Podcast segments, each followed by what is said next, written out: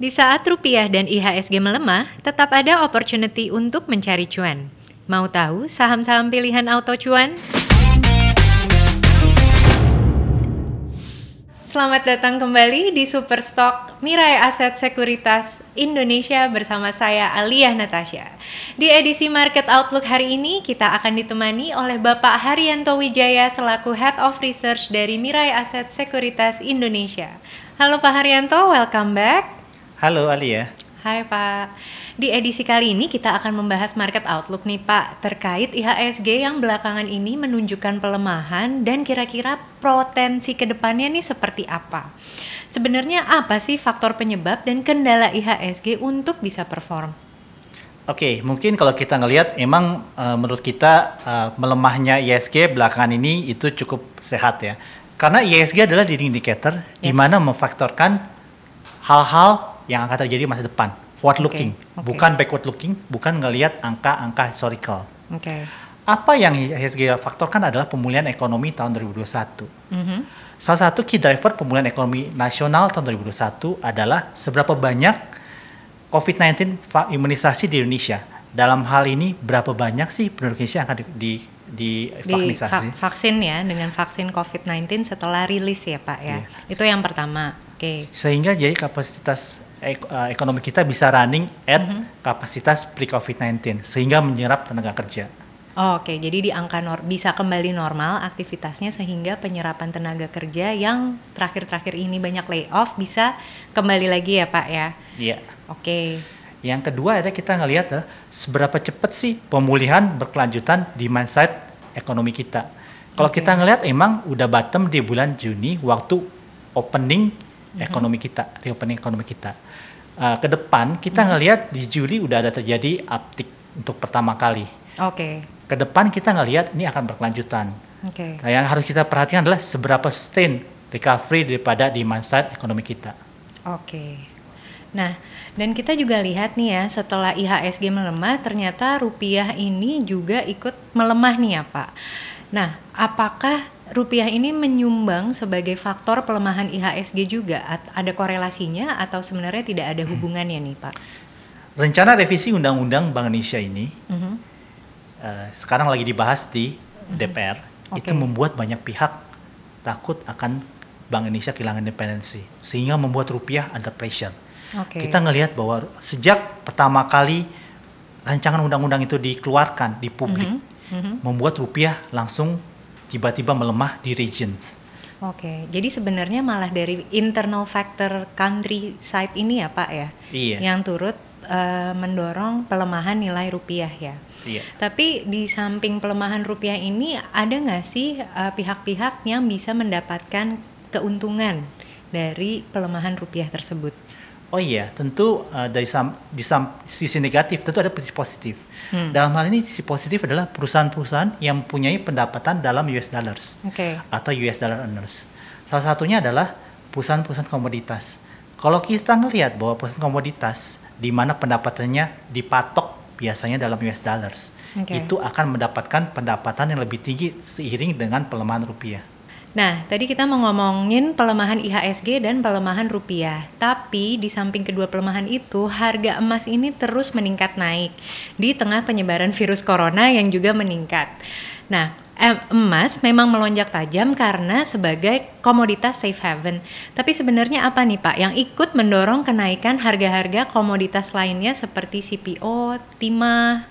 Ada faktor apa nih Pak? Secara garis besar, mm -hmm. hal komoditas dalam hal ini adalah komoditas metal saya seperti timah okay. atau mungkin nikel itu diuntungkan karena dua faktor.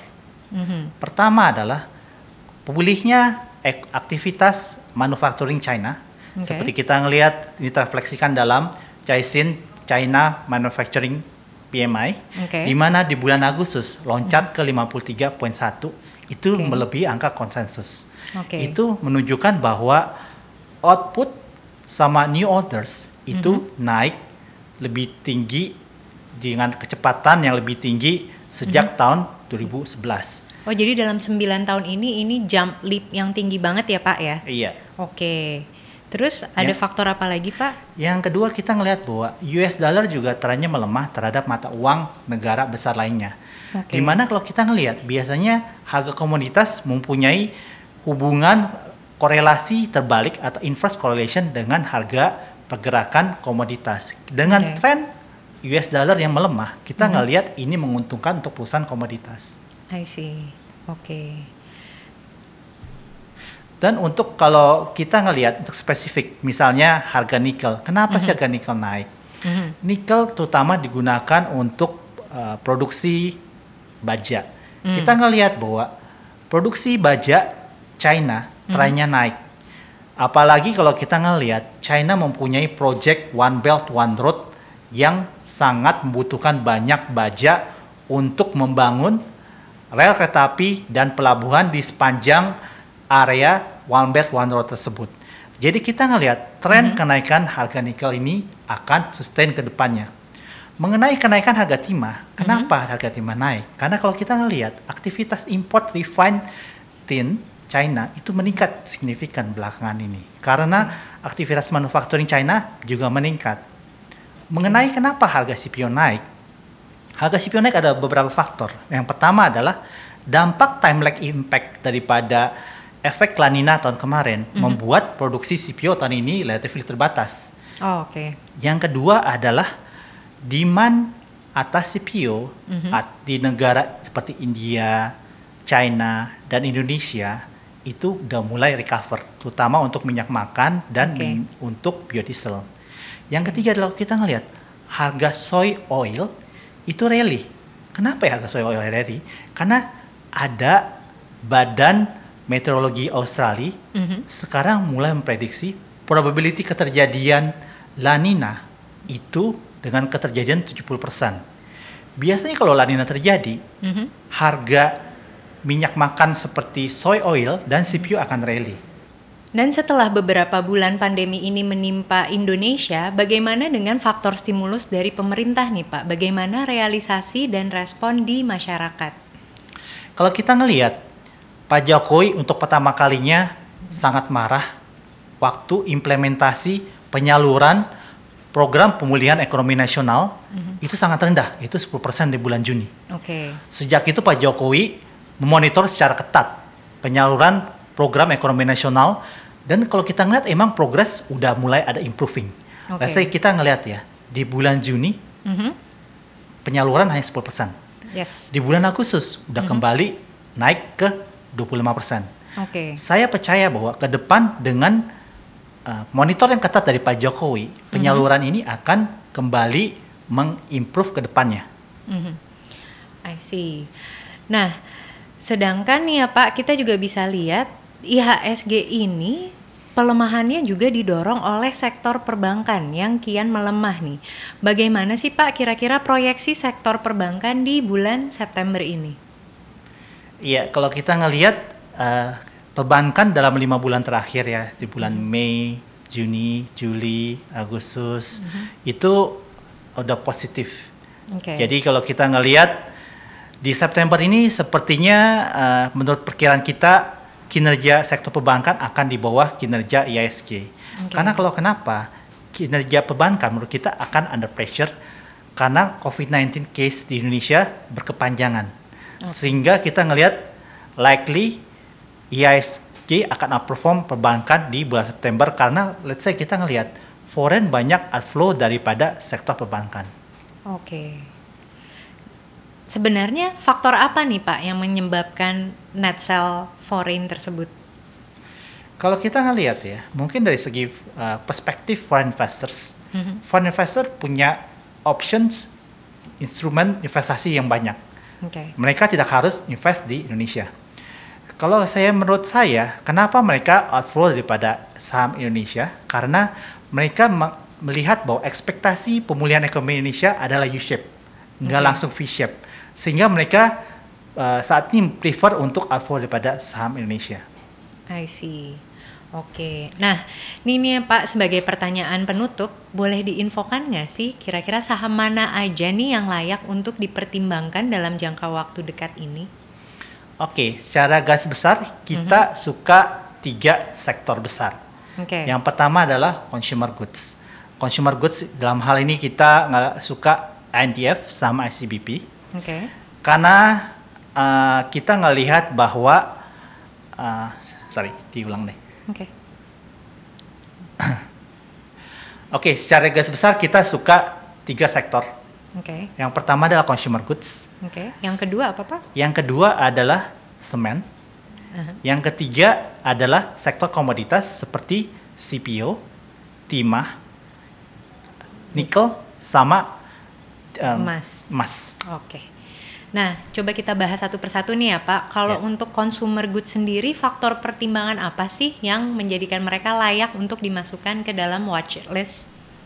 Oke, okay, consumer goods kita suka langsung spesifik sahamnya ya. Mm-hmm. Seperti kita suka NDF, okay. kita suka XCBP. Okay. Karena kita ngelihat perpaduan antara stimulus fiskal daripada government seperti subsidi gaji yang 600 mm-hmm. ribu per bulan okay. dan uh, work from home membuat uh, staple foods mm-hmm. dalam hal ini seperti uh, instant noodles itu akan ada improvement di demand. Oke. Okay. Yang kedua kita ngelihat bahwa akuisisi Pine Hill emang valuasinya cukup mahal ya ah, nilai valuasi pada uh, Pine Hill tersebut. Tapi hmm. kita ngelihat bahwa akuisisi itu adalah accretive acquisitions di mana akan meningkatkan EPS atau laba per lembar saham daripada ICBP sama INDF. Hmm. Oke. Nah, itu consumer goods. Yeah. Tadi sektor yang kedua adalah semen nih, Pak. Iya. Yeah. Kenapa nih, Pak, semen? Yes, untuk semen kita suka saham SMGR karena okay. kita ngelihat bahwa SMGR adalah counter yang bisa kita uh, gunakan untuk memonetize recovery infrastructure budget tahun 2021 sama recovery permintaan atas properti tahun 2021. Oke. Dan yang terakhir ini adalah darling sektor yang sekarang nih Pak, sektor komoditas. Faktor-faktor apa sih yang menjadikan mereka ini layak untuk dipertimbangkan? Oke, kalau komoditas uh, spesifik langsung kita misalnya CPO, kita suka mm -hmm. karena harga CPO kita ngelihat trennya masih tetap naik.